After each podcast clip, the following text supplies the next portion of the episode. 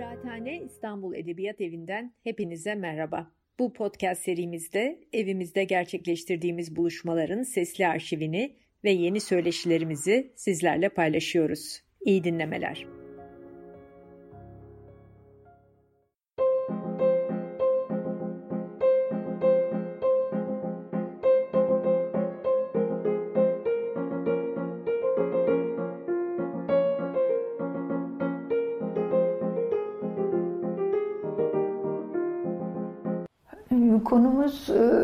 Türkiye'de sol ve milliyetçilik. E, yanında bir de tarih var. 1920 e, ile 2020 arasında diye bir sınırlama yapıldı konu tespit edilirken. 1920 gerçekten önemli bir tarih. Bunu tabii söylemeye gerek yok ama milliyetçilik açısından da önemli bir tarih. Çünkü e, hem milliyetçiliğin e, bir tür kurumlaşması olan Büyük Millet Meclisi'nin kurulduğu tarih, kurulduğu yıl hem de e, antitezinin yani milliyetçiliğin antitezi olan e, kavramın ilk önemli sahiplenicisi aynı yıl kuruluyor. Kurum olarak sahiplenicisi. O da Türkiye Komünist Partisi. Bunların ikisi de aynı yıl 1920 yılında kuruluyor. E, bilindiği gibi Nisan ayında e, Türkiye Büyük Millet Meclisi, e, Eylül ayında da Türkiye Komünist Partisi Bakü'de kuruluyor. Şimdi e, antitezi enternasyonalizm. Ee, tabii pek çok büyük kavram gibi hatta belki e, toplumsal kavramların e, belki de en önde geleni denebilecek bir kavram milliyetçilik e, birçok yönden.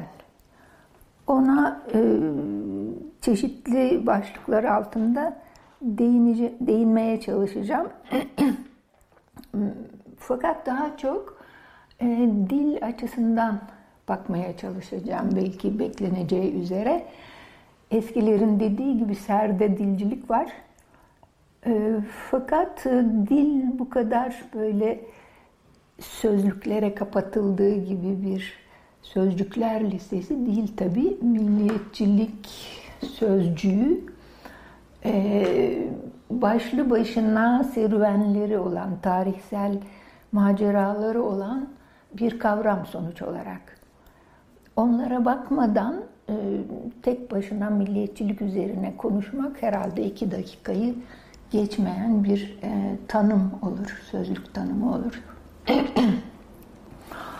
e, aslında tabii 1920'de doğmuyor milliyetçilik kelimesi.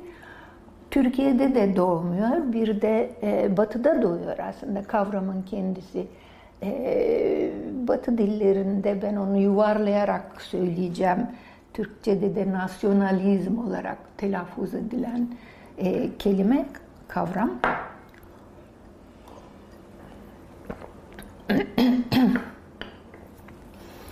e, Sözlüklerde bu ikisi birbirinin e, karşılığıdır. Yani nasyonalizm batının kelimesi, e, milliyetçilik Türkçenin kelimesi, ilk kelimesi. Bir de sonradan ulusalcılık eklendi. Onu birazdan e, açalım. e, nasyonalizm e, milliyetçilikten e, kelime olarak tabii e, çok daha eski nasyonalizm bin yüzlerde e, pardon nasyonalizm değil nasyon kelimesi. Nasyon kelimesi nasyonalizmin e, kökünde yatan kelime bin yüzlerde doğuyor. Nasyonalizm çok çok daha sonra ve e, sanayileşmenin bir ürünü milliyetçilik anlamına gelen nasyonalizm o da e, basbayağı bin, işte Fransız ihtilalinin ardından doğuyor. Çünkü sanayileşmenin ve burjuva sınıfının doğuşuyla aşağı yukarı aynı döneme denk geliyor. Milliyetçilik kelimesinin batıda doğuşu. Batıda doğuşu tabi Türkiye'den daha, e, Osmanlı'dan daha önce. Neden tabii diyorum? Tabii daha önce. Çünkü sanayileşme dediğimiz zaman batı demiş oluyoruz. Sanayileşme önce batıda gelişiyor bilindiği üzere. milliyet, millet, millet kelimesi Türkçe'ye Arapçadan geliyor. Osmanlıca'da tabii Arapçadan ve Farsçadan gelen kavramlardan birisi. Ee, millet kelimesi üç katmanlı bir kelime. Anlam katmanı olarak üçlü bir kelime.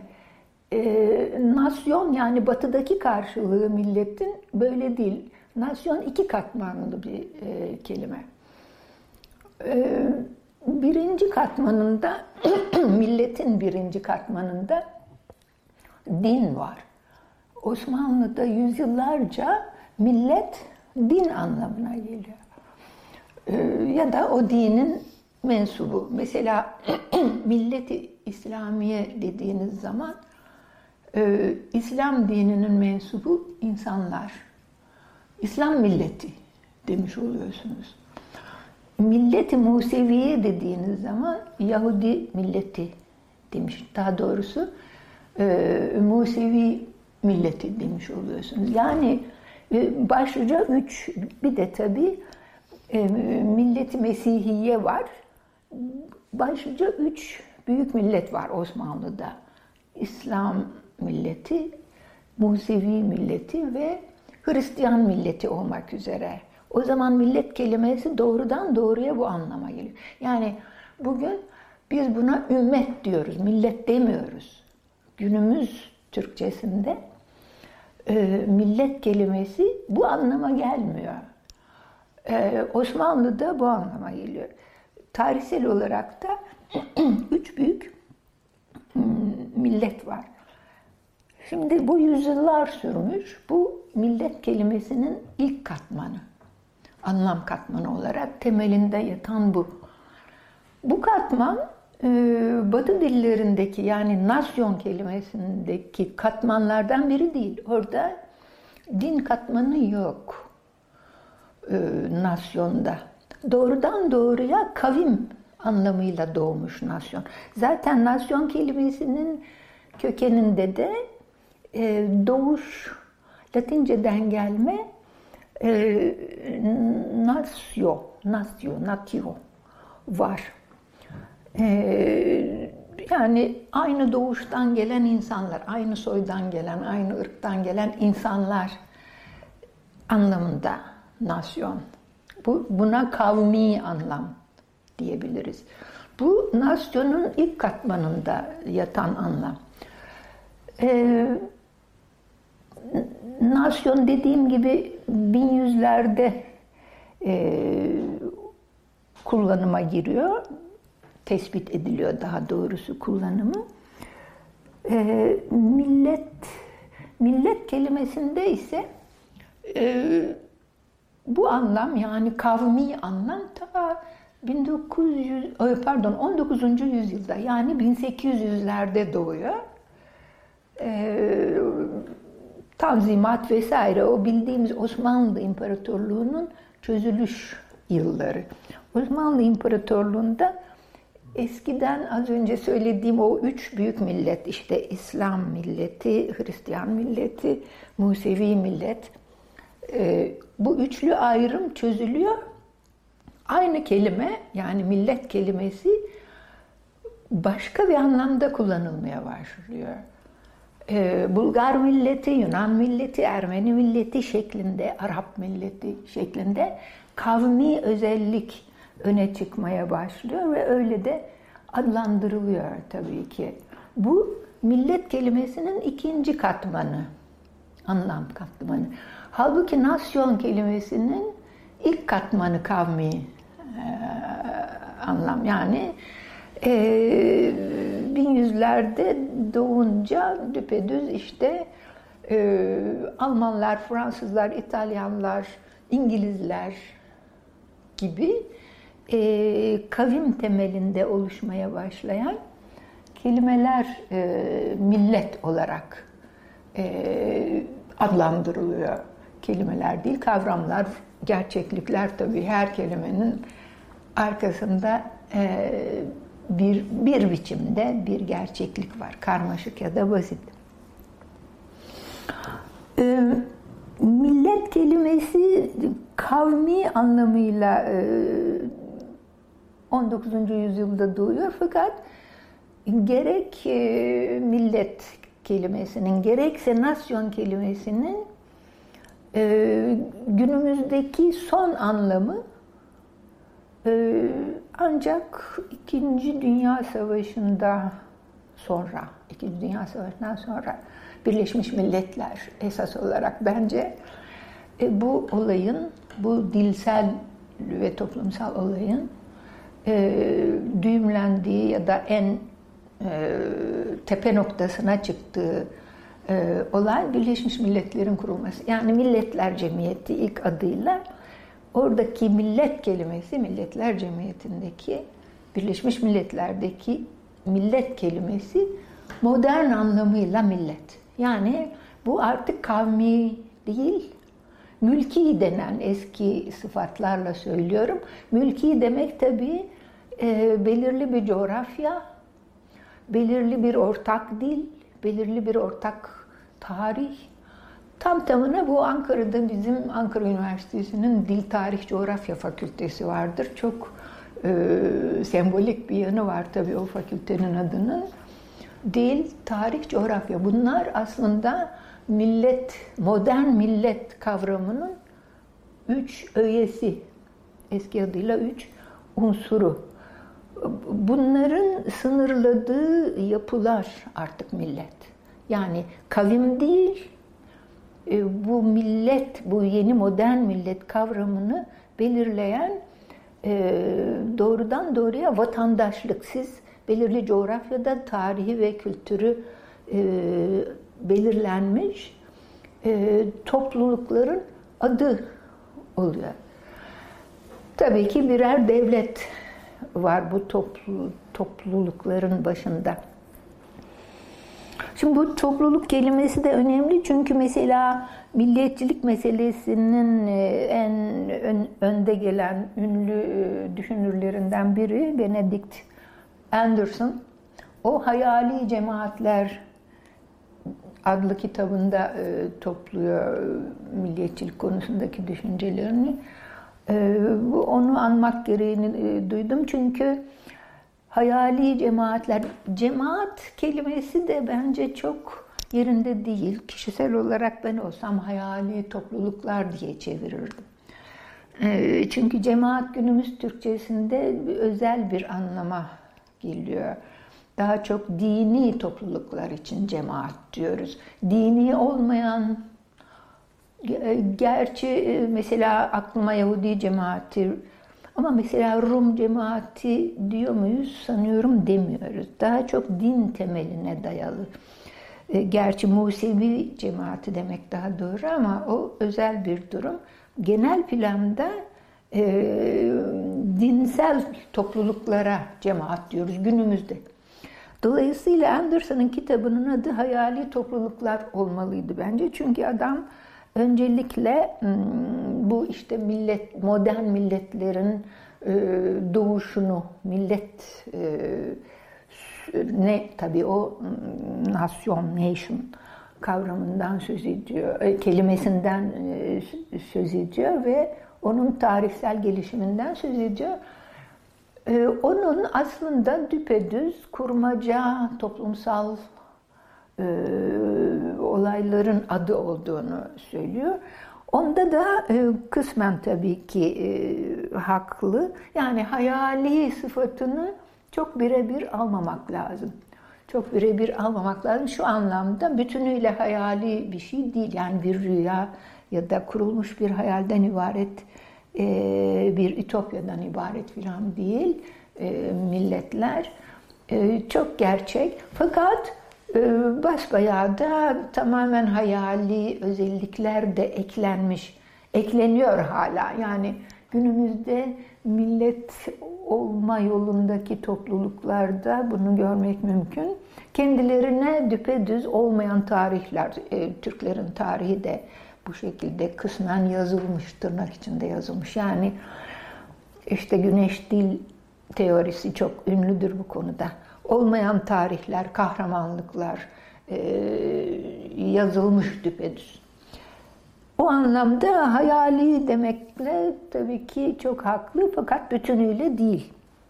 Hmm, tarihçilerin anlattığına bakıldığında tarihsel milletlerin oluşması e, bu kavramla anılarak oluşması yani millet gerçeği aslında e, bugünkü anlamıyla özellikle bugünkü anlamıyla zaten daha e, sonra fakat kavmi anlamıyla e, doğrudan doğruya sanayileşmeyle at başı gidiyor. Yani mesela e, Türklerin veya Fransızların veya İngilizlerin ezelden beri dünya var olduğu ezelebet derler ya onun gibi her zaman var olmuş bir e, gerçeklik değil.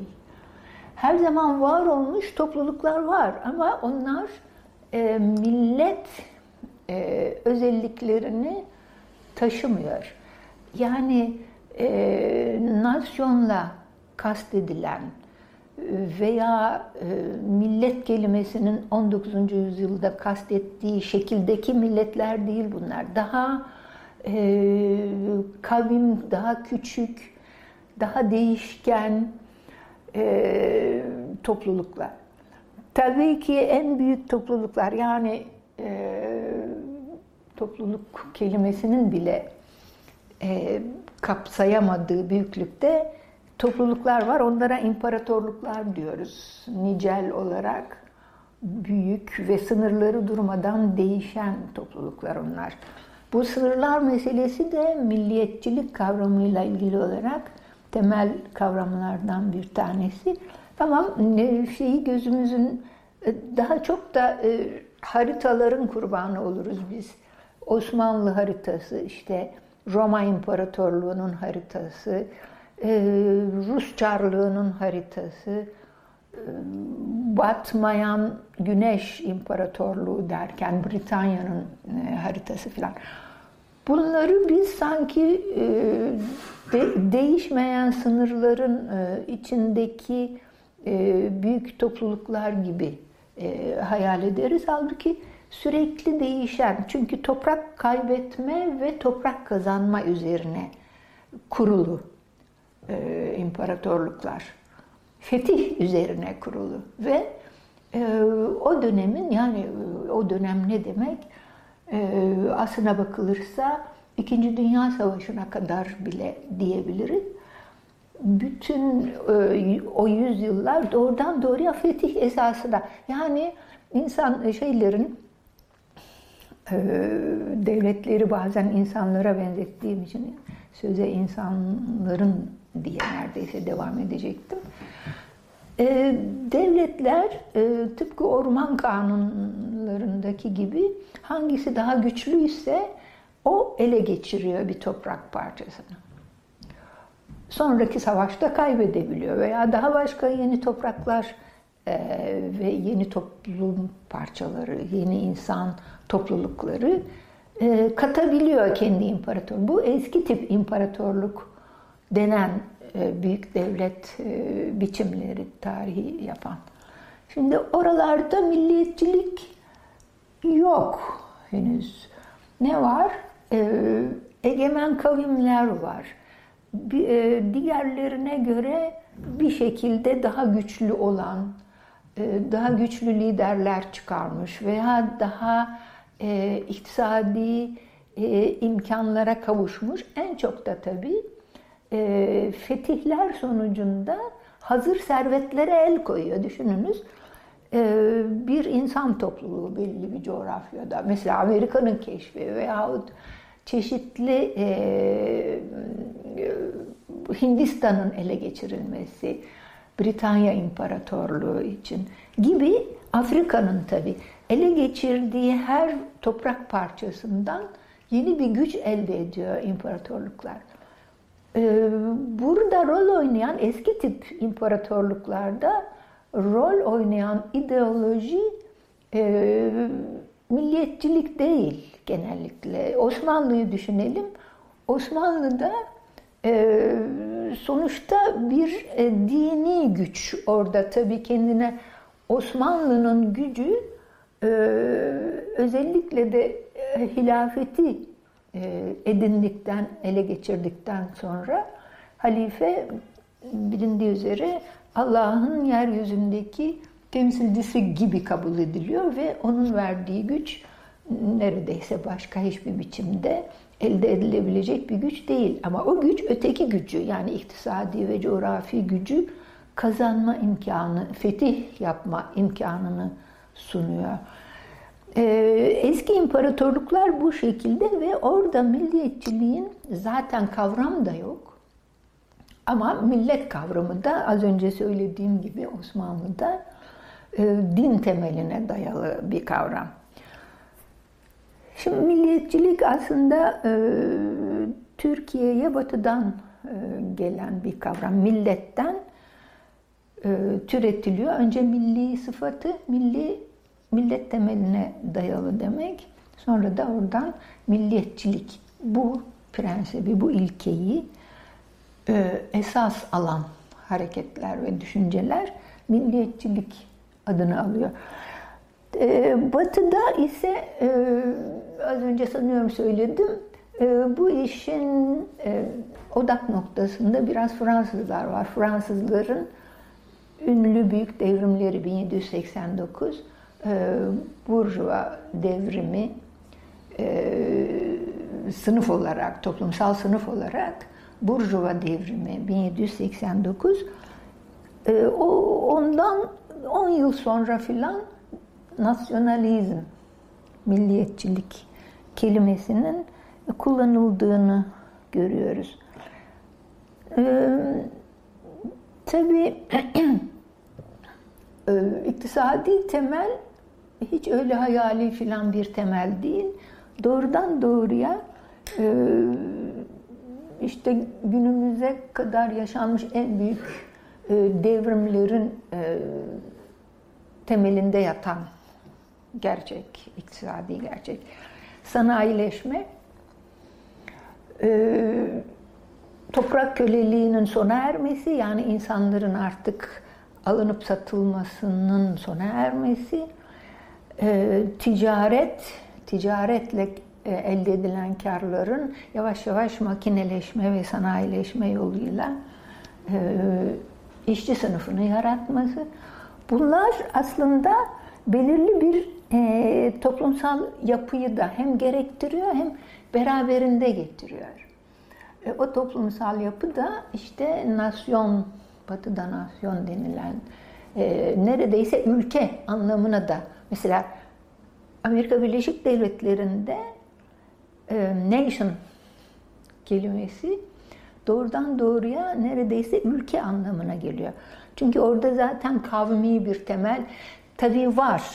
ABD'de kavmi bir temel e, yok diyemeyiz. Daha çok e, İngilizlerin orayı, kıtayı, Amerika kıtasını, Kuzey Amerika'yı ele geçirmesiyle kuruluyor. Amerika Birleşik Devletleri biliyorsunuz büyük bir soykırımın üzerine oturarak kuruluyor. Ee, Kızılderililer denen yerli halkı, Amerika yerlilerini e, sıfıra çok yaklaşacak kadar e, kırarak kurulmuş bir e, devlet. Şimdi bunun kavmi bir özelliği tamam İngilizler çekirdek ama ondan sonra o kadar farklı ülkelerden, o kadar farklı halklardan gelip oraya yerleşen olmuş ki e, şimdi Amerikan başkanlarının Our Nation diye nutuk çekerken e, kastettikleri e, İngiliz kökenli Amerikalılar olabiliyor, o da var. Yani aslında bu katmanda e, iki katmanlı kelimenin ilk katmanında her zaman bir ırk içeriği var. Yani ırkçılık millet kavramının özellikle ilk katmanının ayrılmaz bir bileşimi. Hem Türkçesinde hem de e, Batı dillerinde ırk, soy, soydaşlık bunların tarihte kaldığını kimse söyleyemez. Ama aynı zamanda günümüzde bunun üzerine dediğim gibi sonuncu bir katman eklenmiş. O da e, vatandaşlık temeline dayalı belirli bir toplum anlamına geliyor ve Our Nation diyen Amerikan başkanları o ülkeyi kastediyorlar. Ülkemiz, ülkemizin Orta Doğu'daki çıkarları diyor mesela. Ulusal çıkarlarından bahsediyor. Günümüzün emperyallerine gelmiş olduk bunu bu son cümlemle birlikte. Eski tip emperyalizmden az önce söz ettim. O fethe dayalı ve fetih ekonomisine dayalı yeni yeni topraklar, ülkeler ele geçirme e, ekonomisine dayalı idi. Ancak bu sanayileşmeyle yani milletlerin doğuşuyla günümüzün ülkelerinin oluşmasıyla birlikte e, emperyal yapı da değişiyor. Emperyal yapının e, esası fetihler olmaktan e, çıkıyor. Daha sanayiye, ticarete e, bağlı ve e, siyasi olarak da sonuç olarak siyasi biçimler olarak da e, millet esasına, nation esasına, kavim değil de ya da din en önemlisi de din değil, kavim ve millet esasına dayalı toplumlar haline geliyor. Batı'da bu son derece belirgin. En belirgin olduğu yerde tabii ki e, Fransa. Çünkü kanlı ve büyük devrimlerin ülkesi Fransa. Dinin geri plana itilmesi. Yani e, tabii ki düşün, günümüz insanının düşünmesi biraz e, zor. Belki İran bunu denedi e, bizim bölgemizde. Din esasına dayalı toplum. Başka bir şey. E, seküler toplum ise din esasına dayalı değil. Din her zaman bir e, günümüze kadar gelen e, belirleyici damarlarından birisi toplumun. E, ama sanayi devriminden e, itibaren özellikle artık toplumun e, belirleyici kurumları işte bunlar nedir? Hukuk, eğitim, e, sağlık, bütün kültürel alanlar bunlar din esasına dayalı değil artık.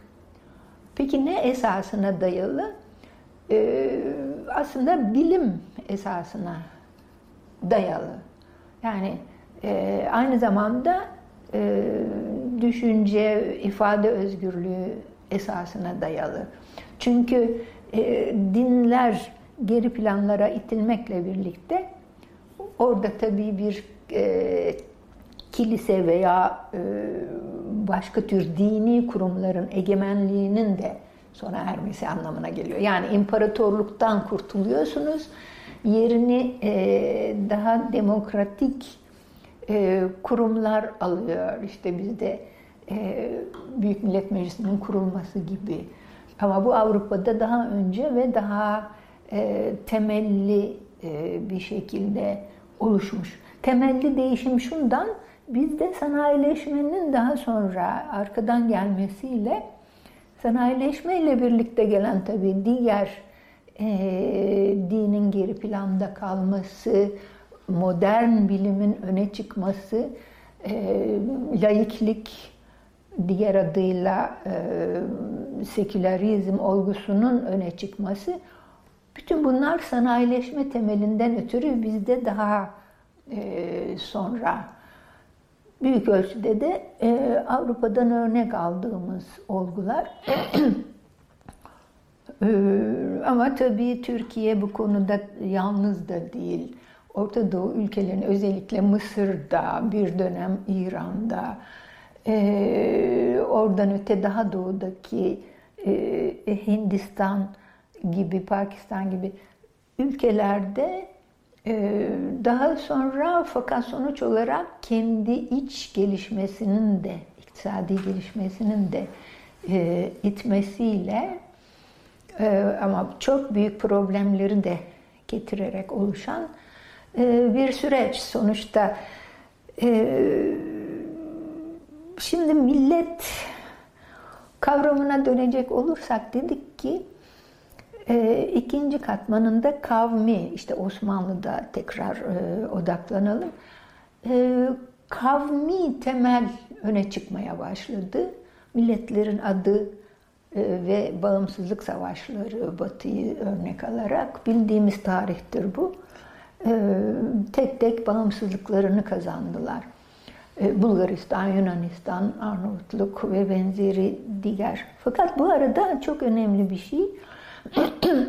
Ee, Osmanlı millet sisteminde milleti İslamiye yani e, İslam milleti birkaç kavmi unsurdan oluşuyordu. Tek kavim değil, sadece Türkler yok. Türkler belki belki değil kesinlikle hmm, egemen millet.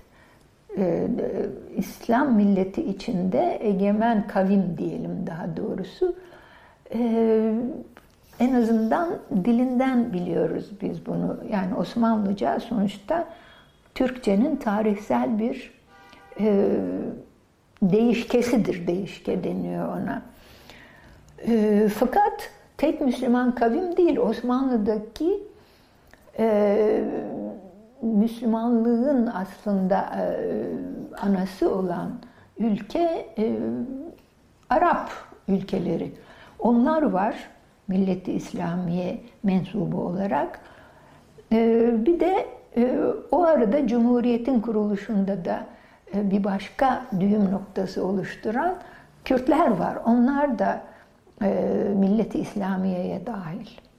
Şimdi Araplar da milliyetçilik rüzgarı mı diyelim akımı ve süreci ne dahil oluyorlar. Tabii e, diğer din mensuplarının e, milliyetçiliğe, kavmi milliyetçiliğe geçmeleriyle Arapların geçmeleri farklı etkiler uyandırıyor. Hani e, özellikle halkın gözünde düşününüz zaten aynı tapınaklara gitmediğiniz toplumlar, işte Hristiyanlar kiliselere gidiyor, Museviler, havralara gidiyor. Ama siz Araplar gibi camilere gidiyorsunuz, Kürtler de gibi camilere gidiyorsunuz ama Cumhuriyet kurulurken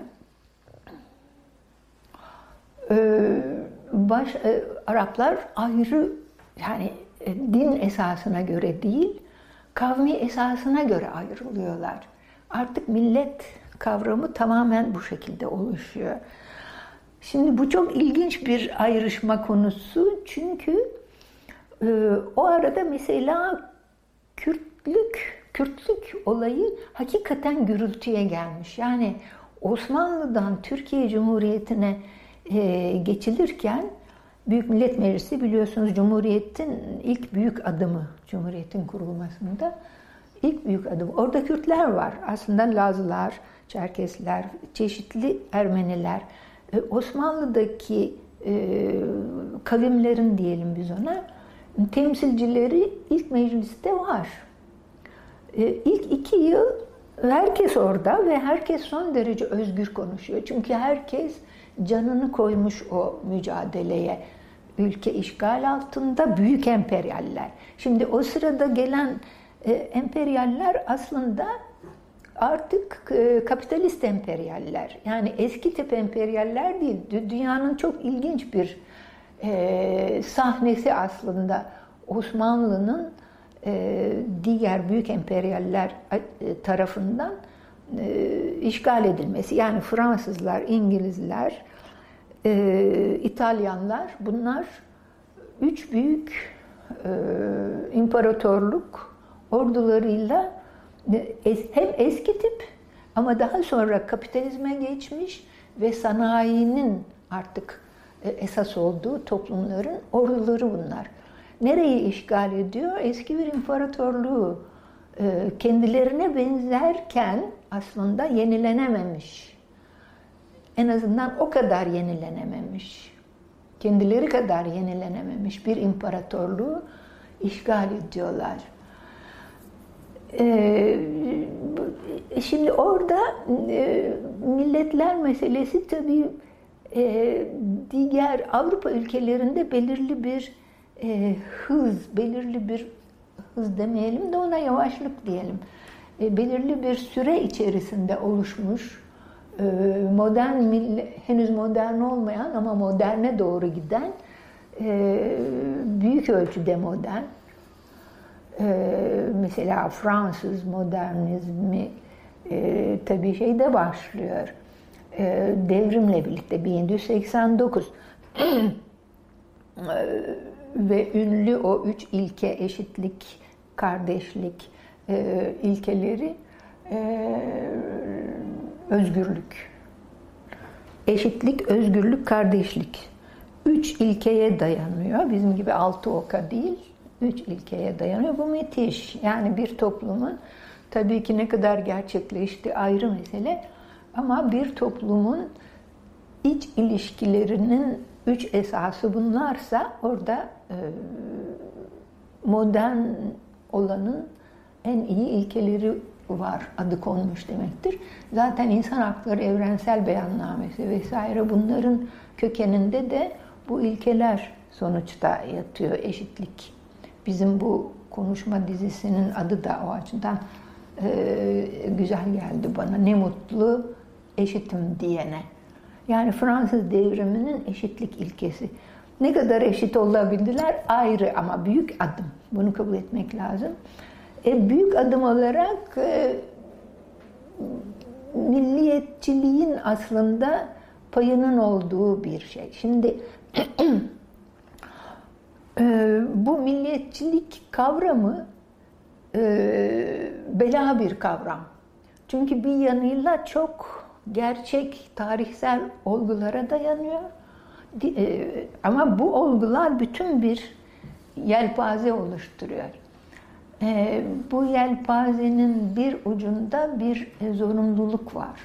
Bir zorunluluk, millet olma zorunluluğu. Hani e, tabii bu zorunluluğu böyle kader gibi değil de tarihsel koşulların getirdiği bir zorunluluk olarak anlamak lazım. Yani e, bazı ortak özellikleriniz, e, kavminiz, tabii bunun içinde soy sop meselesi de var ama ondan çok öte e, ortak bir tarih, e, geçmiş kültür yaşıyor olmanız, yaşamış olmanız ve bunların belirli bir coğrafya üzerinde gerçekleşmesi bunlar e, millet kavramını getiriyor ve imparatorluk olarak değil de millet olarak yaşayalım fikri. Bu fikir bir noktada bir çeşit zorunluluk haline alıyor.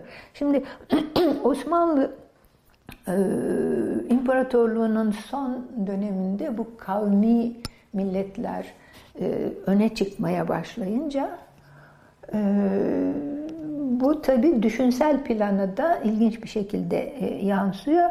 Yusuf Akçura bu gelişmenin iki büyük isminden biri Yusuf Akçura, diğeri Ziya Gökalp.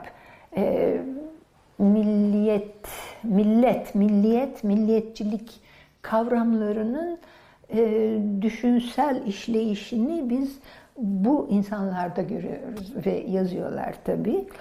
E, Yusuf Akçura'nın ünlü Üç Tarzı Siyaset yani Üç Siyaset Tarzı isimli aslında ıı, broşür diyebileceğimiz e, boyutlarda bir e, kitabı var. Şimdi o Osmanlı, az önce sözünü ettiğim o, o süreç Osmanlı'nın kavmi milletlere ayrılması süreci sırasında e, üç ayrı eğilim olduğunu tespit ediyor Akçura. E, Akçura kim? O aslında e, Türkiye'de, bugünkü Türkiye'de değil de e, Rusya'da yaşayan, e, Rusya'nın çeşitli bölgelerinde e, biraz daha nasıl diyelim e, dünyadan haberdar aydın kesiminin bir kısmı kuzeyde, Rusya'da e, yaşıyor. Akçura onlardan biri. Çünkü bir de Fransız esinli aydınlar var. Dönemin aydınları özellikle bu iki ana kaynaktan e, besleniyorlar düşünsel olarak. Kuzey ya da batı. Tabi ABD de çok ilgilerini çekiyor. Yusuf Akçura'nın anlattığı e, üç siyaset tarzı dediği e, üç ana eğilim. Yani Osmanlı çözülmeye başlamış. Acaba e, hangi fikir, hangi fikirler var önümüzde tutulacak yol olarak ve bu fikirlerin hangisi ne kadar iyidir? Yani eleştirel bir gözle kısacası bakıyor Akçura bu, bu, bu duruma e, tespit ettiği e, üç siyasetten, üç ana fikirden e, bir tanesi Osmanlı İmparatorluğunu bir e, birleştirip bir çeşit millet olarak birleştirip Osmanlı milleti oluşturmak. Şimdi daha nasıl birleşecek denebilir ama bunun e, tabii ki imparatorluk biçimi var bir de millet yani daha yakın, daha sıkı bir örüntü oluşturmak e, fikri var. Bir tanesi bu. Yani Osmanlı milleti yaratmak fikri. İkincisi e, Müslümanları bile çünkü şeyler Osmanlı milletinde birleştirmeyi düşündükleri kavmi milletler zaten ayrılma sürecinde bir kısmı ayrılmış, bir kısmı ayrılıyor. Yani bir arada kalmaları şansı e, artık e, çok azalmış, azalmış kavimler bunlar. Dolayısıyla e, halifeliğin de Osmanlı doğmasından yola çıkarak bir İslam birliği yolunu din devletinin devam etmesi bunun da halife yönetiminde İslam İslam ülkelerini, e, Müslümanları birleştirme yolu olmasını savunanlar var. İkinci eğilim bu. Üçüncü eğilimde e, Türkçülük, Türk milliyetçiliği. Yani nasıl diğer e, kavimler kendi milliyetçiliklerinin işte peşinden gittilerse Bulgar milliyetçiliği, Rum milliyetçiliği, Ermeni milliyetçiliği, Arap milliyetçiliği gibi Türk milliyetçiliğinin e, peşinden gitmeyi savunanlar. Şimdi bu tabii e, çok ilginç bir durum çünkü e, aslında Cumhuriyet'in Türk esas almak istediği bir Türk kavramı var. Özellikle Atatürk milliyetçiliği adıyla savunan e, siyasi akımın her zaman bugün bile tekrar ettiği bir şey. E, biz kavmi, soysop esasını değil, e, beyan esasını yani e, ünlü söz işte ne mutlu biz burada ne mutlu eşitim diyene diyoruz ama ne mutlu Türk'üm diyene esasın e, esas alan bu bu e, beyanı esas alan e, bir politika. Bunu Ziya Gökalp neden? Çünkü adam Türk değil. Yani Ziya Gökalp aslında e, Fransız esinli diyebileceğim e, modern millet kavramına e, çok daha yakın hatta neredeyse o, o, o kavrama yakın bir şey savunuyor, bir anlayışı savunuyor. E, dolayısıyla Türkçülüğün esasları e, diye hepimizin okullardan en azından bildiğimiz e, kitabı, yazıları ile ortaya koyduğu görüş bu. Şimdi bu şey, e, bu üç ana eğilim e, hepimiz biliyoruz sonuç olarak nereye evrildi. Bunu anlatmak isteyişimin nedeni şu, aslında e, milliyetçilik karmaşık ve bütün bir yelpaze oluşturan bir kavram dedim ve tarih e, aynı zamanda. Bir ucunda işte bu e, imparatorluklardan çıkılırken, buna Osmanlı İmparatorluğu da dahil, oradan çıkarken e, milliyetçiliğe bir tür hem zorunluluk, o günkü şartların çünkü e, esas olarak bütün kavimlere ve bütün güçlere egemen olmuş bir ideoloji, bir e, anlayış, düşünme tarzı sonuç olarak sonuçta en son aslında Türk milliyetçiliği doğuyor. En son çünkü egemen e, kavim odur, Türklerdir. E, bu kavim sonuç olarak kendi egemenliğini dağıtacak değil ya, kavmi egemenlik meselesine en son sahip çıkan kavim oluyor.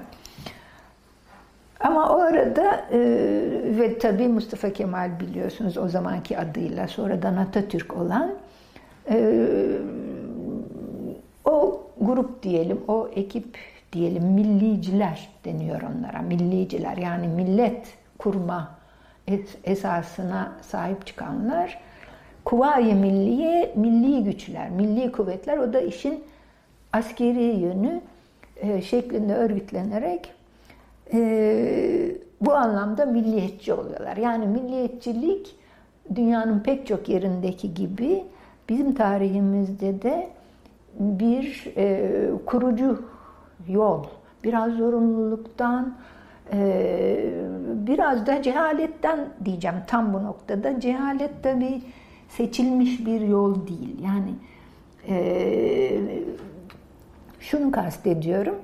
E, konuşmamın en başında dedim ki 1920 yılı ıı, hem e, milliyetçiliğin zaferi çünkü e, Büyük Millet Meclisi'nin kurulduğu yıl hem de onun e, antitezi, zıttı olan e, düşünce akımı yani internasyonalizmin e, partileştiği o zamanki adıyla fırka, Komünist Fırkası'nın kurulduğu, internasyonalizmin örgütlendiği yıl.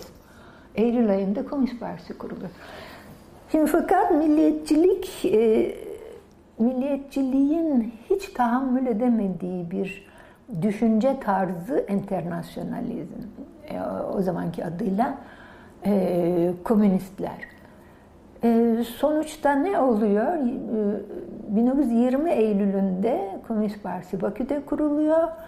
E, yöneticisi olan e, 15 kişi Türkiye'ye geliyorlar.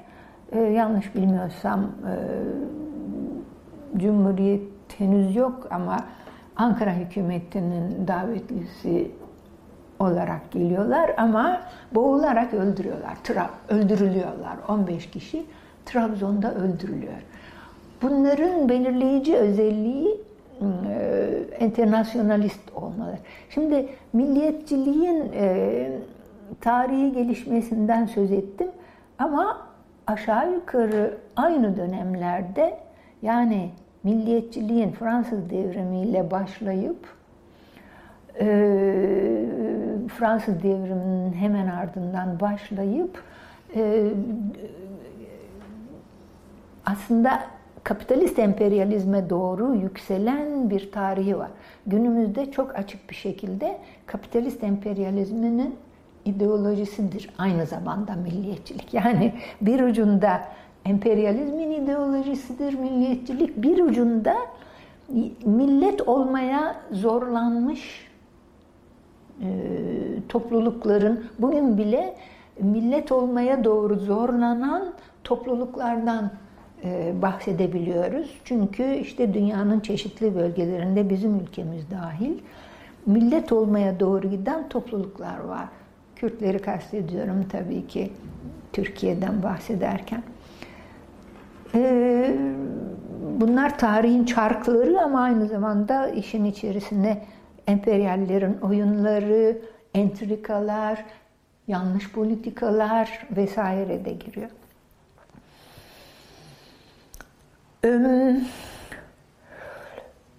diyordum ki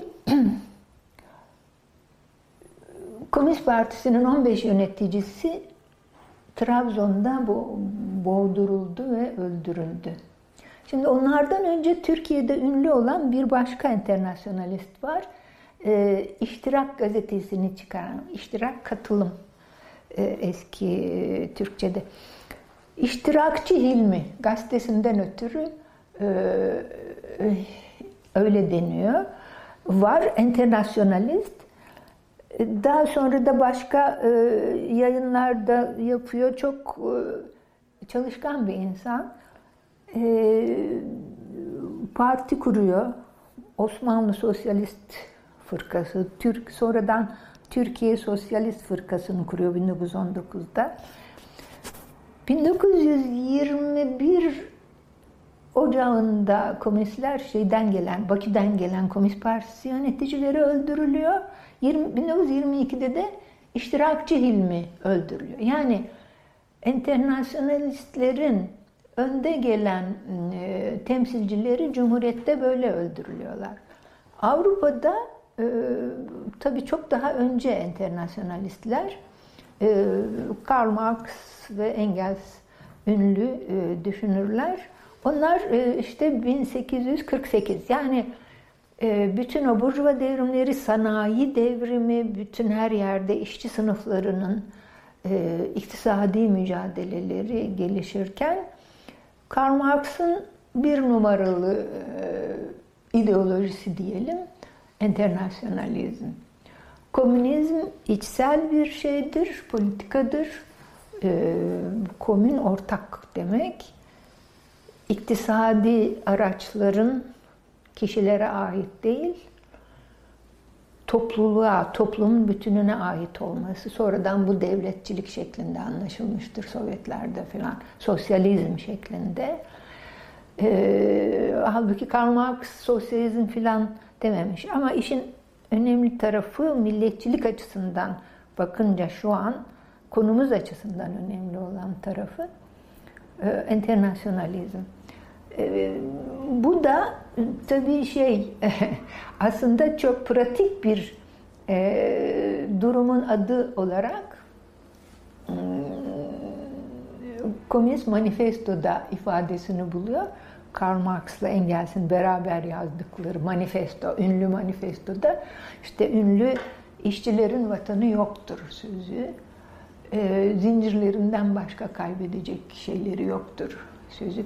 Bunlar bir gerçeğin adını koyuyor. O sırada işçi sınıfları, sanayi kurulmuş, işçi sınıf, işçiler günde 16 saat filan çalışıyorlar ve bunun dışında işte e, bir çeşit e, insani olmayan hayat. Ancak üremek, kendilerini yeniden üretmek ve sanayi üretimi için e, emeklerini vermek şeklinde onların vatanının olmadığını söylüyor. Aslında Marx orada şunu kastediyor. Vatan onlara ait değil. Ellerinde hiçbir şey yok. Yani zincirlerinden başka kaybedecek bir şeyleri yok derken. Ee, onu kastediyor.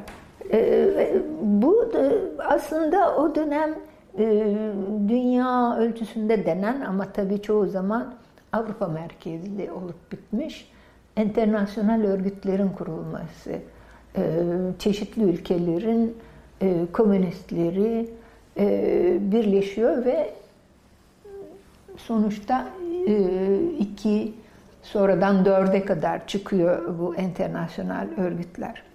Fakat şöyle bir gerçeklik var. Enternasyonalizm yani uluslararası eşitlik, kardeşlik, ortaklaşma fikri, fikriyatı, ideolojisi bu e, son derece bilinçle olabilecek bir şey. Yani insan dediğimiz varlığın e, kültürel yapısından doğabilecek bir şey. Öbür doğal zorunluluk veya iktisadi zorunluluğun getirdiği nokta daha çok e, milliyetçilik. Milliyetçilik e, az önce açıkladığım gibi neredeyse hani bir ailenin içine doğarız biz. Kendimiz seçmeyiz. Annem kim olsun, babam kim olsun. Bunu insan bireyi seçemez. Ee, ancak doğduktan sonra karşılıklı bir ya da doğmadan önce aslında bir e, hayatımızın belki en önemli ilişkisi kurulur. Bir parça buna benzer biçimde içine doğduğumuz kavmi de seçmeyiz. Yani biz bir bebek Türk olayım mı, İngiliz olayım bunu seçemez yani.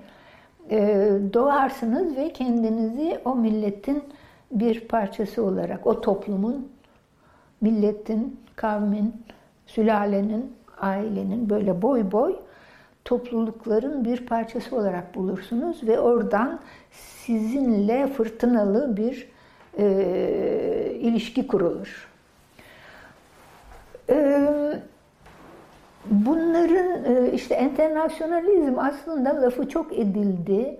E, özellikle reel sosyalizm, e, sosyalist ülkeler kurulduktan sonra adı internasyonal olan e, birlik bu ülkeler arasındaki sosyalist ülkeler arasındaki ilişkinin ilkesi gibi çok konuşma konusu oldu ama e, zaman içinde anlaşıldı ki o kadar da e, internasyonalizm, o kadar da eşitlikçi temellerde e, gerçekten inşa edilebilmiş değildir. Mesela Ee, bunun kişisel olarak en yakıcı bulduğum e, e, görünüşlerinden birisi yani internasyonalizmin gerçekleşememiş olduğu, hani sosyalist ülkeler arasında bile gerçekleşememiş olduğunun çok açık bir örneğini bizim sınırlarımızda yaşıyoruz. Ermenistan'la Azerbaycan arasındaki ilişki. Bunların ikisi de eskiden sosyalist ülkelerdi. Eğer Enternasyonalizm gerçekleşebilmiş olsa bugünkü çatışmalı ilişki, düşmanca ilişki olmayacaktı. Olması için bir neden yok. Oturulup orman kanunlarına göre değil de e, ideal bir insanlığın gerektirdiği üzere aralarında anlaşarak var e, zenginlikleri akla uygun olarak paylaşarak çözebilirlerdi sorunlarını.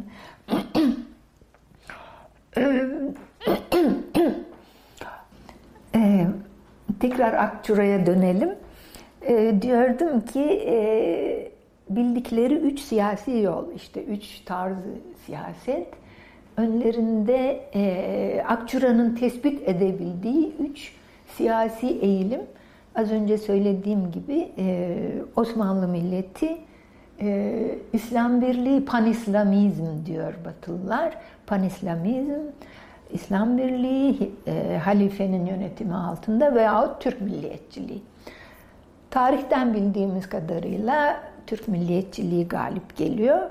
Ama e, az önce parantez açıp, açıp söyledim ki aslında çağın bir de internasyonalizm şıkkı vardır ve mesela Sovyetlerin öncülüğünde Doğu Halkları Kurultayı diye bir kurultay yine Bakü'de yapılmıştı. Oraya e, Hindistan'ından tutun işte e, Türkler çok çeşitli Doğu deyince aklınıza kim geliyorsa bütün e, kavimlerden ve ülkelerden temsilciler gelip Doğu Halkları Kurultayı'nı yapmışlardı ve onlar kurultayın esas e, tavrı emperyalizme karşıydı. Batı'nın artık kapitalist emperyalizm haline gelmiş güçlerine karşıydı. Tabii bu Sovyetlerin aynı zamanda kendi e, kuruluşunu e, korumak amacıyla e, kendi çeperlerinde bir bir bir tür güvenlik çemberi oluşturmaya çalışıyordu e, Sovyetler. Bütün devletler gibi. Hani devletler e, bir e, dostluk temelinde değil de çıkar temelinde hareket ettikleri zaman orman kanunu diyorum ben ona ister istemez güç esasına göre ilişki kuruyorlar. Sovyetler de ne yazık ki o güç esasından kendini kurtaramadı. Gitgide daha Rus şovenizmine paçayı kaptırdı. Stalin bunun çok ilginçtir. Türk milliyetçiliğini Türk olmayan birisi teori haline getirdi Ziya Gökalp.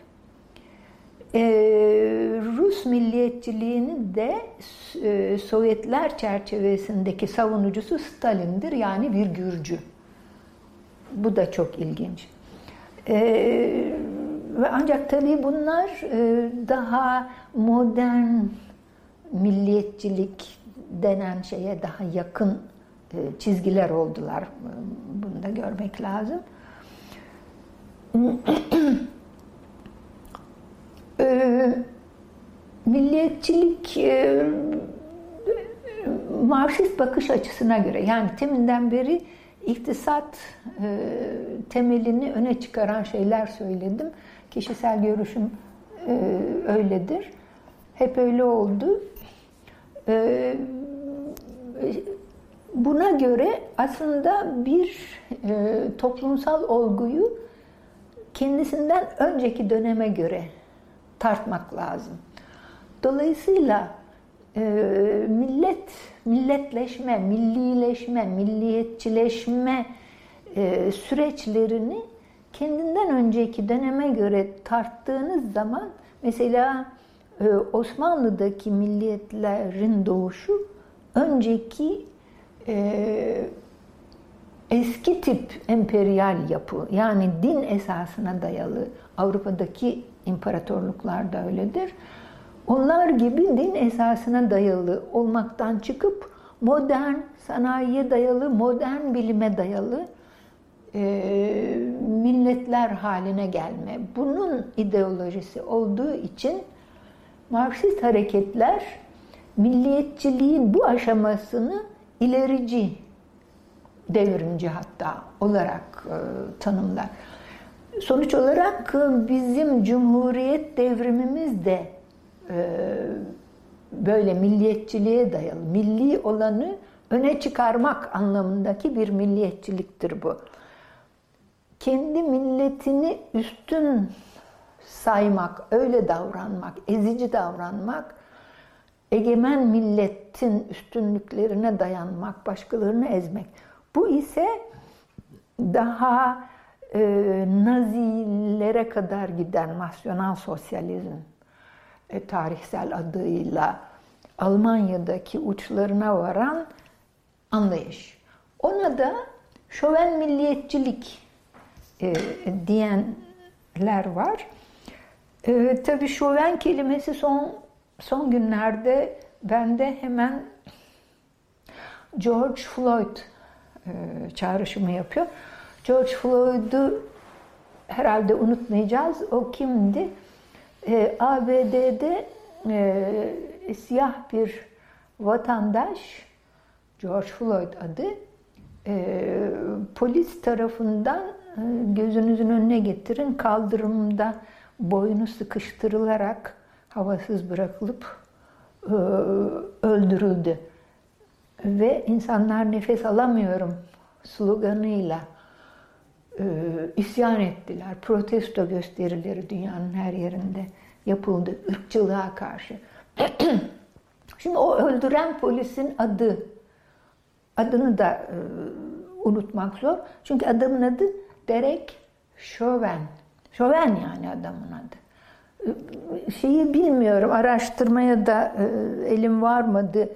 E, acaba, acaba bu adam e, Chauvin'in akrabası mıdır? Şimdi bunları söylüyorum çünkü şoven milliyetçilik, ırkçı milliyetçiliğin adı olan bir kavram. Bu adamın da soyadı şoven e, ve şoven milliyetçilik kavramının kökeninde de bir Fransız adı şoven olan bir Fransız var. Irkçılık şampiyonluğu yapmış bir Fransız. Şimdi soyadı aynı e, tarihin cilvesi derler ya sanki öyle bir trajik durum. E, dolayısıyla o şoven e, nasıl bir milliyetçilikse işte nasyonalizm, nasyonal sosyalizm, akrabası o zihniyette birisi. Siyah insanı siyah olduğu için öldürebilenlerden. Ee, bizim de Türkiye'de ilginç bir şekilde ırkçılık deyince aklımıza daha çok ABD'de siyahlara karşı işlenen suçlar gelir. Halbuki e, sadece siyahlara karşı değil, ırkçılığın e, aldığı biçimler çok sayıda. Ve Cumhuriyet ne yazık ki e, kendi millet, Türk milletini kurduktan sonra ne yazık ki bir Türkleştirme politikası e, uygulamaya koyuyor, uygulamaya koyuyor ve adım adım bu politika. E, isimler, yer isimleri, insan isimleri her şeyin e, yıllar geçtikçe e, Türkleştirildiğini görüyoruz. Şimdi bu tabii e, milliyetçiliğin e, nasyonal sosyal bir ucunda nasyonal sosyalizmin olduğu bir e, eksen, milliyetçiliğin gelişme çizgilerinden birisi bu. Ee, en temelinde en azından Türkiye'deki biçiminde e, tabii çok karmaşık tarihsel koşullar var ama e, bir standartlaştırma zihniyeti var. Aslında bu kapitalizmin temelinde de olan, sanayileşmenin temelinde de olan bir şey. Ee, eşyaları standartlaştırdığı gibi e, insanlar e, mesela prizi veririm örnek olarak daha çok priz eğer standarda uygun değilse kullanamazsınız. Sizin fişiniz oraya uymayabilir gibi. İnsanları da standartlaştırmaya çalışıyorlar. İşte tek dil, tek devlet, tek bir şey. Ee, bunlar tekçilik aslında standartçılığın bir biçimi bir yanıyla zorunlu çünkü sanayileşme başka türlü olmuyor. Sanayileşmeden başka bir yola henüz insanların, biz insanların aklı ermediği için e, insanları da hatta e, hatırlıyorum e, bir ara bir yerde okumuştum. Türk Standartları Enstitüsü'nün ee, yıllar önce hangi yıllardaydı şimdi aklımda değil insanlar için de e, bir takım standartlar yazdığını e, öğrenmiştim. Sonradan kaldırılmış onlar ama mesela şu tür ifadeler oluyor. Ee, bir Türk'le karşı karşıyaysanız işte onunla ilişkide şöyle şöyle sağlam yanlar vardır. Ama bir işte unuttum ama azınlıklardan söz ediyor ve diyor ki onlarla karşı karşıyaysanız işte sizi aldatabilirler, kandırabilirler, onlarla ticaret yaparken dikkatli olun filan. Bunu standartlar enstitüsü bir standart olarak yazabilmiş. Muhtemelen bu dünyada ırkçılığın yükseldiği o Hitler zamanları, nasyonal sosyalizm zamanları. Fakat biz şunu biliyoruz, bu milliyetçi mayalanma deniyor. Hani bu Osmanlı'nın son döneminde kavmi milliyetçilikler ayrılmaya başladı, ön plana çıkmaya başladığı dönem e, Ermenilerin e, Ermeni tehciri, kıyımı ve soykırımı aşamalarına varan e, sonuçlar veriyor. Cumhuriyetteki, Cumhuriyet dönemindeki Türkleştirme politikalarının da çok e, tarihi sonuçları var. Bunları aslında e, normal gündelik hayatımızda e, öğrenmeyebiliyoruz. Yani mesela eğer siz Rum değilseniz 1964'te Rumlara ne olmuş onu bilmeyebilirsiniz. E, kişi olarak ben mesela bunu e, işte son 20-30 yıl içerisinde öğrenmişimdir. Ta 1964'te ne oluyor? Rumların bir kısmı e, Türkiye'den resmen tehcir ediliyor. Zorunlu göçe tabi tutuluyor. E, 6-7 Eylül olayları e,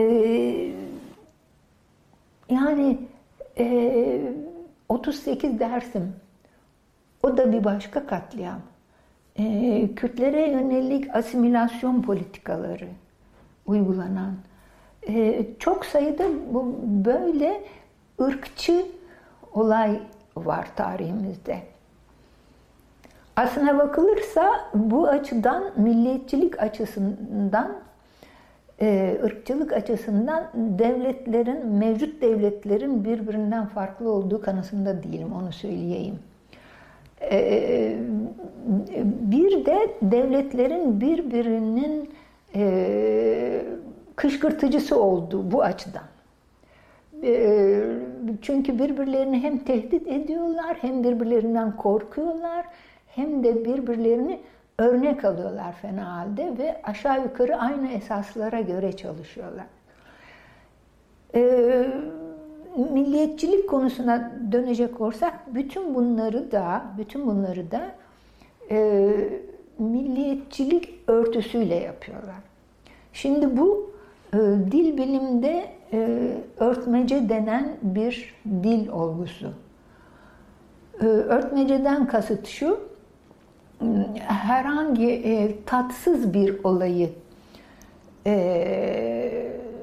dile getirecekseniz doğrudan o, mesela kanser diyeceksiniz. Bir e, bir insan diyelim bu hastalığa yakalanmış. Ondan söz edeceksiniz. E, başka bir kelime kullanıyorsunuz. İşte me, eskiler menhus hastalık derlerdi. E, şimdi daha işte e, başka kelimeler kullanılıyor filan. Buna dil biliminde örtmece deniyor. Ee, mesela bir insana aptal demek çok ağır bir söz olabilir. Onun yerine e, pek akıllı değildir dersiniz. O bir örtmecedir. Aptal sözünün örtülmesidir. Milliyetçiliğin en e, temel özelliklerinden kavram olarak milliyetçilik kavramının temel özelliklerinden birisi e, vahim ideolojik tavırların örtüsü haline gelmiş olması. E, Türkiye için bu özellikle geçerli. Çünkü Avrupa'da mesela milliyetçilik e, olumlanabilen bir kavram değil. E, Türkiye'de oysa milliyetçi olmamak e, pek akla gelebilecek bir şey değil. Herkes kendini milliyetçi bir şekilde saymak zorunluluğunu hissediyor. Neden? Çünkü her şeye örtü olabiliyor hala bizim toplumumuzda ve bizim dilimizde. Kelimelerin böyle çok ayrı hayatları var. Nasyonalizm ise özellikle e, İkinci Dünya Savaşı ile biten o nasyonal sosyalizm, min nasyonalizminden ötürü o işte insanlığın vardığı o en e, uç vahşetlerden biri o olduğu için daha sonraki dönemde yani İkinci Dünya Savaşı'ndan bu yana Avrupa'da ben nasyonalistim diyemez insanlar. Nasıl ki ben ırkçıyım veyahut ben e, şovenistim diyemiyorsanız kimse demiyorsa kimse demez.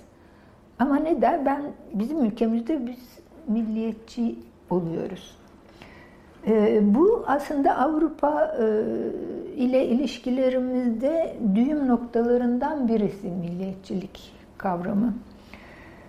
E, tabii başka düğüm noktası olan kavramlar da var. E, terör ve terörist tanımları da bunlardan biri. Yasalara filan da geçmiş olan. Fakat millet, milliyetçilik başlı başına bir şey, e, olay. E, konumuz sol ve milliyetçilik başlığımız. Gidip gelerek sola da bakıyoruz. Başlangıçta sol sayılabilecek bir ideoloji iken milliyetçilik ve tabi e, Cumhuriyet'in kurucu partisinin ilkelerinden birisi de milliyetçilik olarak konmuş adı Altı Ok. Altı Ok'tan birisi e, CHP'nin kuruluşunda milliyetçilik. Şimdi çok ilginç tabii bu, bu açıdan çok ilginç olan bir nokta e, günümüzün CHP'si e, milliyetçi demekle yetinmiyor. Neden? Çünkü çeşitleri çıkmıştır Cumhuriyet boyunca. Milliyetçiliğin çeşitleri çıkmıştır ve bunların bir kısmını herkes üstlenmek istemez. Mesela adı milliyetçi olan bir parti var. Milliyetçi Hareket Partisi. Ee, CHP oradan biri gibi gözükmek istemez. Dolayısıyla kendi milliyetçiliğine Atatürk milliyetçiliği adıyla farklı bir isim koymak ister. Koyar. Atatürk milliyetçiliği tam bir ara Ziya Gökalp için e, sözünü ettiğim prensip üzerine dayanıyor. Yani sizin hangi kavme mensup, hangi kökenden olduğunuz, hangi inançtan olduğunuz değil, e, ben Türk'üm demeniz, Türk olmanız için yeterlidir. Bu vatandaşlık e, temeline dayalı milliyetçilik. Cumhuriyet Halk Partisi ve aslında Cumhuriyet bir bütün olarak bu esasa dayanma e, iddiasıyla yola çıktı. Ama ne yazık ki az önce sözünü ettiğim e, ırkçı uygulamaları, işte varlık vergisi de geliyor şu an aklıma konuşurken, 6-7 Eylül olayları geliyor, Struma gemisi geliyor aklıma sayısız ırkçı politikayı milliyetçilik adı altında uygulamış durumda. Cumhuriyet'in ne yazık ki sicili bu şekilde e, bir yanıyla parlak olabilir ama bir başka yanıyla hiç parlak değil.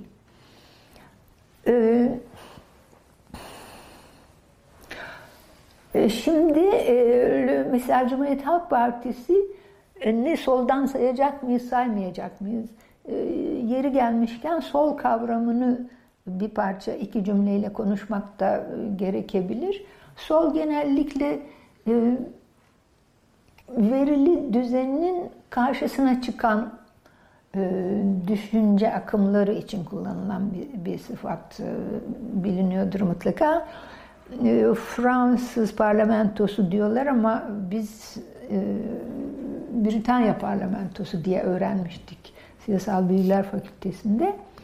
Sol tarafa oturanlar daha çok işte muhalifler, e, kurulu düzeni değiştirmek isteyenler, sosyalistler, komünistler, diğer sol, sonradan adı sol alan bu, bu, bu akımların hepsinin adı sonradan sol olmuş. Niye? Parlamentoda solda oturdukları için. Sağda oturanlar ise daha çok e, kurulu düzeni savunan siyasi akımlar, partiler olmuş. Şimdi bu, bu e, oturma düzeninden yola çıkmış ama e, iki ayrı açıdan bakabiliriz günümüzde düşündüğümüz zaman. Bir tanesi kişi ya da örgüt, kurum kendisine ne diyor? Bu önemli. Mesela Cumhuriyet Halk Partisi'ne hatırlıyorum Bülent Ecevit günün birinde ortanın solu etiketini takmıştı. Yani kendi örgütlerine ve o kabul görmüştü o zamanlar. Ortanın solu sol. Ee, efendim Pirinçey'in partisi kendine sol der hatta işte Türk solu diye e, yayınlar çıkarır falan filan. Ama onların dışında kalan Türkiye solunun hiçbir kesimi Perinçey'in e, kurduğu partileri e, soldan saymamıştır. Böyle bir gelenek var. E, şimdi tabii Cumhuriyet Halk Partisi günümüzde kendisini sol, merkez sol en azından merkez sol diyenler var, sosyal demokrat diyenler var. Dünya siyasi kültüründe sosyal demokrasi soldan sayılan bir siyasi akımdır. Eğer buna sahip çıkacaklarsa milliyetçilik meselesinde tamam tanımlamaları e, uygun görünüyor. Fakat e, tarihsel uygulamayla e, başları dertte demektir. Çünkü Cumhuriyet tarihi boyunca hakikaten e, sosyal demokrat olmaya e, evrensel tanımıyla sosyal demokrat olmaya, ırkçı olmamaya, ayrımcı ayrımcı olmamaya uygun bir tarihleri yok. Bunlarla yüzleşmeleri veya öz eleştiri yapmaları, tarihlerini gözden geçirmeleri gerekecek. Ondan daha sola bakacak olursak, sol ve milliyetçilik, solun milliyetçilikle olan ilişkisi konusunda e, sorulmuş önemli sorulardan biri 68 milliyetçi miydi sorusudur. Bir ara çok tartışıldı. Benim de mensubu olduğum bir kuşak 68. E, benim buna verdiğim galiba yazmıştım da bu konuyu. Buna verdiğim yanıt yanıt aşağı yukarı e, kabaca iki paragrafta toplanabilir. Birincisi 68'liler deyince kimi kastediyoruz? Aslında e, orada da bütün bir yelpaze e, vardır. Bir kısmımız silahlı hareketler içine girdik ama o daha çok 70'ten itibaren oldu. Bir kısmımız girmedik. Türkiye İşçi Partisi mesela ben dahil olmak üzere e, yasal kurulmuş bir partinin üyeleriydik. Ama tabii Fikir Kulüpleri Federasyonu'ndaydık aynı zamanda. Fikir kulüpleri de sonradan Dev Genç adını alarak e, içerik ve nitelik değiştirdi vesaire. Demek istediğim bütün bir yelpaze. Ama e, e, e tabii bu yelpazenin e, bir ucu e, Kemalizmle birleşti. Hani Türkiye her an ve hala Kurtuluş Savaşı veriyormuş duygusuyla, anti-emperyalizme karşı, e, pardon emperyalizme karşı anti-emperyalist e, mücadele veriyormuş duygusuyla hareket ettiler. E, bunlar çok yakın arkadaşlarımız. Hepimiz bir aradaydık mesela Ankara Siyasal'da Mahir Çayanlarla bir aradaydık ama sonra yollarımız ayrıldı. Şimdi günümüzden bakarak Önce genel prensibi söyleyeyim, ondan sonra günümüzden bakalım. Genel prensip aslında e, yani genel dediğim evrensel, dünyanın neresinde olursanız olun, e, emperyalizmle ilişkinizde e, eğer emperyalizm size saldırıyorsa siz ulusal davranırsınız. Yani ona karşı mücadele, her yolla mücadele edersiniz. Ama e, sizin egemen olduğunuz, egemen e, ulusa mensup olduğunuz bir ülkede ezilen uluslar varsa, ezilen ulus mensupları varsa siz onlara karşı ulusal değil, e, onların haklarını e, savunmak e, çizgisinde yer alırsınız. Bu aslında evrensel ilkedir. Yani internasyonalizmin ilkesidir. Benim bildiğim bu, bu, bu ilkeyi ne zaman öğrendik? 68 sırasında da biliyor muyduk? Bil, çok emin değilim. Düşünmemiş de olabiliriz, öğrenmemiş de olabiliriz. Fakat çünkü yeterli kaynağımız da yoktu. Biz son derece e, kulaktan dolma işte bir siyasal öğrencisi olarak belki biraz daha bir şeylerden haberdardık ama siyasal öğrencisi olmak da her şeye erişiminiz olduğu anlamına gelmiyordu. Ancak biraz yabancı dil öğrenerek öğreniyordunuz bazı şeyleri, internasyonalizmi filan. E, önümüzde bize en yakın tanıdığımız en yakın devrim e, Cumhuriyet devrimiydi ve bazı arkadaşlarımızın dediğim gibi kendini Kemalist devrime e, yakın hissettiği doğrudur. Bu silahlı mücadele zamanı fikrine kapılmalarının iki kaynağından birisi odur. Yani ulusalcılık.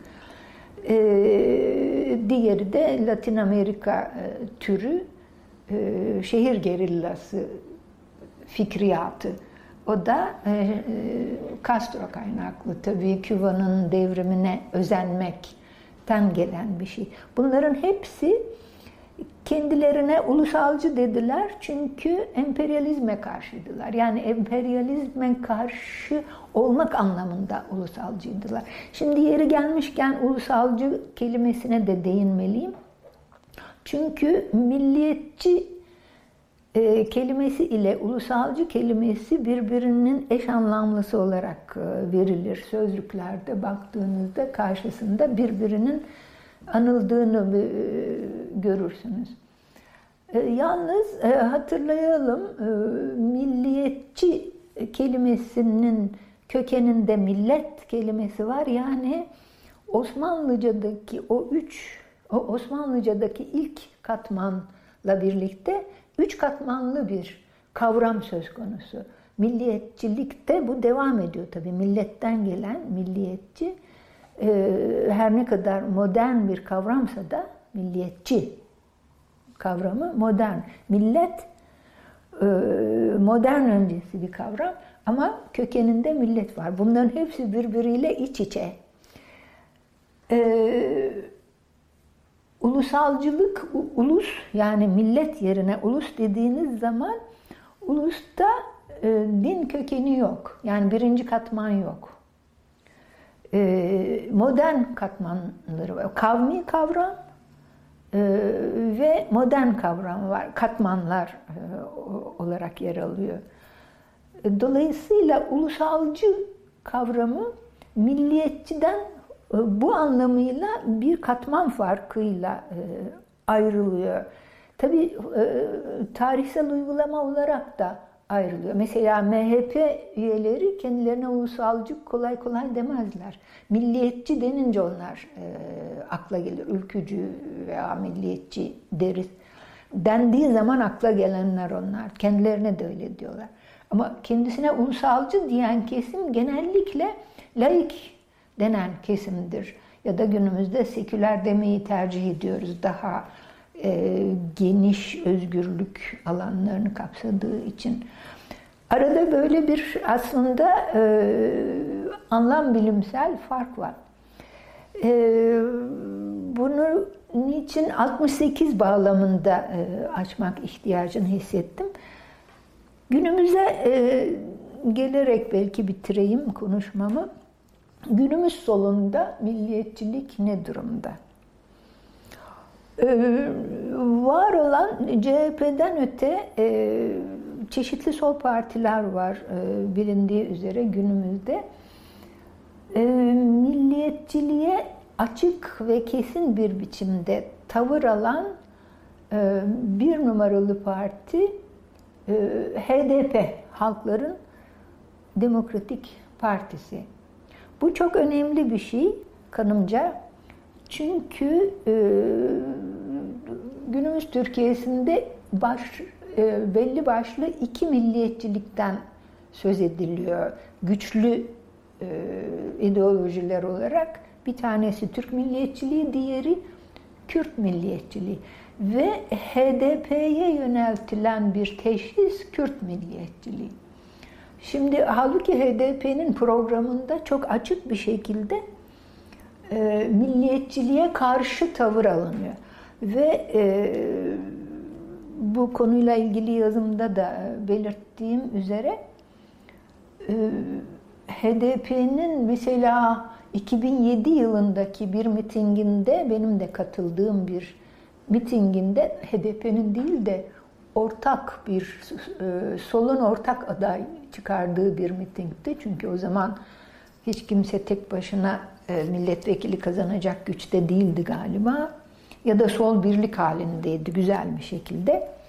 Ortak aday için yapılan mitingde milliyetçiliğe karşı diye slogan vardı. O çok e, iyi hatırladığım bir tarihsel andır. Orada da e, ortak miting HDP'nin de katılımı hatta belki öncülüğüyle yapılıyordu. Şimdi bu tabii e, e, Türkiye'de milliyetçiliğin çözülmesi gereken bir problem haline gelmiş olduğunun da bir göstergesi. Hangi anlamda çözülmesi gerektir e, gerekiyor? E, ne anlıyoruz biz? Herkes bir tanım yapabiliyor ve genellikle milliyetçiliği tanımlayanlar içine çok güzel e, hayır diyemeyeceğiniz özellikler e, koyabiliyorlar. İşte insanseverlikten tutun yurtseverlik, vatanseverlik, birbiriyle dayanışma, yardımseverlik, aklınıza gelebilecek bütün iyilikleri milliyetçiliğe e, sığdırabiliyorsunuz tanımlarken. Ama uygulamada ne yapıyorsunuz? Ona bakmak lazım. Ve kanımca diğer sol partilerin de e, programlarında e, bu şey e, milliyetçilik e, karşıtı tavırlar var. Fakat genellikle genellikle sol partiler öteden beri sınıf meselesine ağırlık verirler ama diğer ezilme türleri, diğer ayrımcılık türleri ikincil hale getirme günümüzde mağdun deniyor. Yani e, mağdur edilen, ayrımcılığın mağduru olan kesimler e, den somut olarak çok fazla söz edilmiyor ve genellikle biz ırkçılığa karşıyız, faşizme karşıyız gibi e, daha genel kavramlarla idare ediliyor. Milliyetçiliğe karşıyız demek ise siyaset yapanlar için çok zor. Çünkü bir zamanlar olumlanmış bir e, e, sıfat milliyetçilik. Bir zamanlar olumlanmış. E, belki son olarak e, şu noktaya dikkat çekmek e, bir düşünme e, argümanı olarak gerekli. E, milliyetçilik aslında sanki hep emperyalizme karşı bir ideoloji ya da bir tavırdır gibi anlaşılıyor ya da öyle e, sunuluyor. E, öyle mi gerçekten? Yani bir ara ABD başkanlarından söz ettim. Onlar da zaman zaman işte our nation, nationalism diyebiliyorlar. E, peki bu dünyanın bir numaralı emperyalist ülkesi. E, sözü getirmek istediğim yer anlaşılmıştır. Aslında milliyetçilik doğuş anında e, belki ilerici, belki değil mutlaka e, daha bir birine kul, bir insana kul, padişaha kul, krala kul e, olmaktan sizi siz çıkarken önünüze açılan yol milliyetçilik olmuş. Millet olmak olmuş. Yani kul değil milletsiniz. Vatandaşsınız. O sıradaki milliyetçilik ilerici sayılmış, devrimli sayılmış. E, oysa aynı zamanda emperyalizmin ideolojisi. Yani emperyalizm çıkıp da ben emperyalistim demiyor hiçbir zaman. Yaşasın emperyalizm demiyor hiçbir zaman. Faşistler de hiçbir zaman ben faşistim, yaşasın faşizm.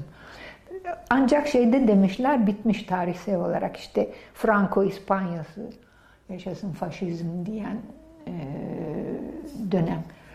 E, Nazi Almanyası işte nasyonal sosyalizm, e, Mussolini İtalyası. Onlar biteli veri dünyada pek az kimse skinheadler dahil e, onlar belki gamalı haçlar yapıyorlar filan ama çıkıp da kolay kolay yaşasın faşizm kamu önünde diyemiyorlar.